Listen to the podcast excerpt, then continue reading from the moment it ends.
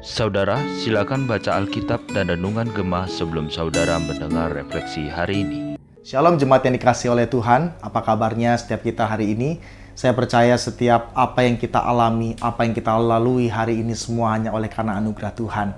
Dan hari ini kita kembali bersama-sama akan kembali merenungkan firman Tuhan. Kita berdoa biarlah sungguh firman yang akan kita renungkan bersama tidak berlalu dengan sia-sia, tetapi biarlah kita boleh hidupi dan lakukan dalam kehidupan kita setiap hari. Oleh sebab itu mari kita tundukkan kepala, kita berdoa, kita mohon pimpinan Allah Roh Kudus. Mari kita berdoa. Bapa di sorga, tolong setiap kami agar kami dapat memahami apa yang menjadi isi hati Tuhan melalui kebenaran firman Tuhan yang akan kami renungkan. Kami terbatas untuk memahami ya Tuhan, tapi kami percaya ada kuasamu yang sanggup untuk mencelikkan mata rohani kami, agar kami dapat melihat apa yang menjadi isi hati Tuhan, maksud dan kehendak Tuhan dalam kehidupan kami. Kami serahkan Tuhan waktu ke depan ini ke dalam tanganmu, berbicaralah karena kami siap untuk mendengar. Hanya di dalam nama Tuhan, kami Yesus Kristus, kami berdoa mengucap syukur. Amin. Saudara sekalian, tema refleksi gemah kita hari ini yaitu adalah cara Allah bekerja yang diambil dari Ayub 32 sampai 33 namun saya akan membacakannya di ayat 1 sampai ayat yang kelima saja. Demikian firman Tuhan. Maka ketiga orang itu menghentikan sanggahan mereka terhadap Ayub karena ia menganggap dirinya benar. Lalu marahlah Elihu bin Barakel, orang Bus dari kaum Ram, ia marah terhadap Ayub karena ia menganggap dirinya lebih benar daripada Allah dan ia juga marah terhadap ketiga orang sahabat itu karena mereka mempersalahkan Ayub. Meskipun tidak dapat memberikan sanggahan, Elihu menangguhkan bicaranya dengan Ayub karena mereka lebih tua daripada dia. Tetapi setelah dilihatnya bahwa mulut ketiga orang itu tidak lagi memberi sanggahan, maka marahlah ia.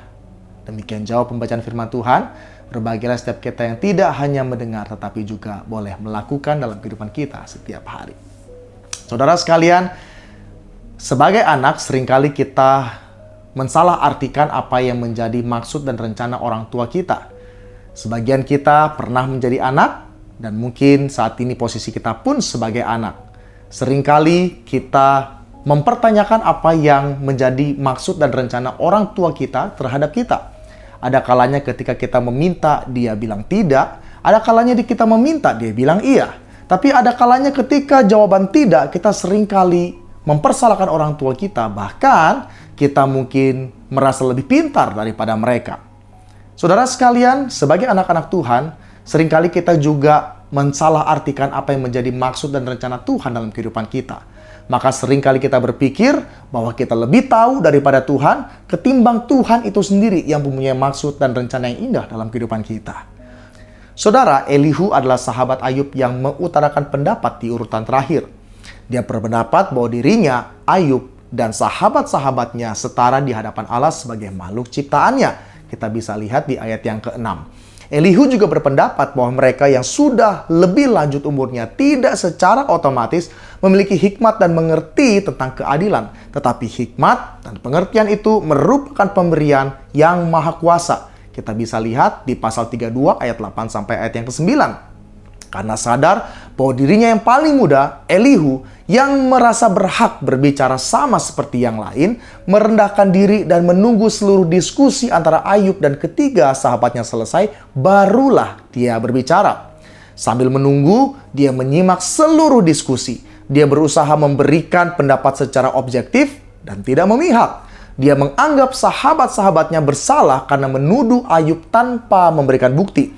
Dia juga menganggap Ayub bersalah karena Ayub merasa lebih benar dari Allah. Menganggap dirinya bersih dan suci. Sedangkan Allah dianggap memusuhi dirinya sendiri. Elihu berusaha menjawab kegelisahan Ayub yang merasa bahwa Allah tidak menjawab semua perkataannya. Menurut Elihu, Allah bisa berfirman dengan berbagai cara. Masalahnya adalah sering kali manusia tidak memperhatikan bahwa Allah dapat memberikan jawaban melalui mimpi melalui penderitaan atau melalui malaikat yang memberikan kelepasan. Itu dikatakan di ayat 14 ayat yang ke-24. Alkitab menjelaskan bahwa Allah dapat memakai binatang, tumbuhan, peristiwa alam, malaikat, dan manusia untuk berkomunikasi dengan umatnya. Saat kita menantikan jawaban doa, mungkin kita gagal menyadari jawaban Allah karena kita membatasi jawaban Allah melalui anggapan bahwa jawaban itu harus sesuai dengan apa yang kita inginkan.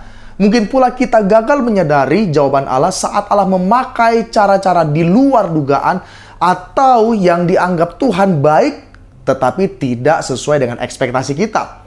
Saudara sekalian, bila kita merasa bahwa Allah tidak menjawab doa kita, mungkin saja masalah sebenarnya adalah kekurang pekaan kita terhadap jawaban Allah.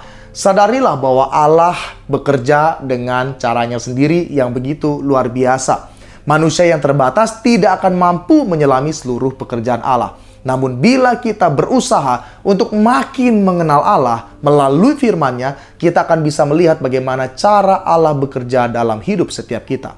Yang dibutuhkan umatnya hanyalah iman yang percaya bahwa Allah pasti menjawab permohonan umatnya serta penyerahan diri untuk sabar menanti Allah bertindak dengan caranya sendiri. Apakah Anda saat ini berusaha memahami dan menerima cara kerja Allah dalam hidup Anda? Saudara sekalian, Tuhan sering kali bekerja dengan cara yang misterius. Ada kalanya memang kita berdoa, jawabannya bisa iya, tidak, tetapi juga bisa tunggu. Tetapi sering kali ketika kita menunggu, kita sering kali mempertanyakan Allah. Apakah Allah sungguh-sungguh bekerja dalam hidup kita atau tidak? Melalui firman Tuhan hari ini, sembari kita menunggu jawaban daripada Tuhan, sembari kita melihat cara Allah bekerja, ada baiknya kita mendorong diri kita untuk mengenal Allah lebih dalam lagi ketika kita membaca firman Tuhan. Biarlah semakin kita mengenal Allah, semakin kita mengerti dan memahami apa yang menjadi maksud Allah dalam hidup setiap kita. Biarlah firman Tuhan yang singkat dan sederhana ini boleh menolong setiap kita. Mari kita tundukkan kepala, kita berdoa. Bapa di sorga, tolong setiap kami, agar setiap kami, makhluk yang terbatas ini, dapat boleh semakin mengenal Allah yang hidup, Allah yang memiliki rencana-rencana yang indah, memiliki cara-cara yang ajaib untuk menolong setiap umatnya. Ampuni kami ya Tuhan apabila dalam kehidupan kami sering kali kami merasa diri kami lebih pintar dan lebih benar daripada Tuhan.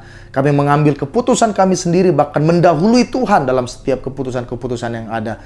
Tapi biarlah Tuhan melalui firman Tuhan ini kami mau kembali melihat dan percaya bahwa rancangan Tuhan, cara Tuhan adalah yang terbaik dalam kehidupan kami. Kami serahkan Tuhan waktu kami ke depan ke dalam tanganmu. Hanya di dalam nama Tuhan kami Yesus Kristus kami berdoa mengucap syukur. Amin.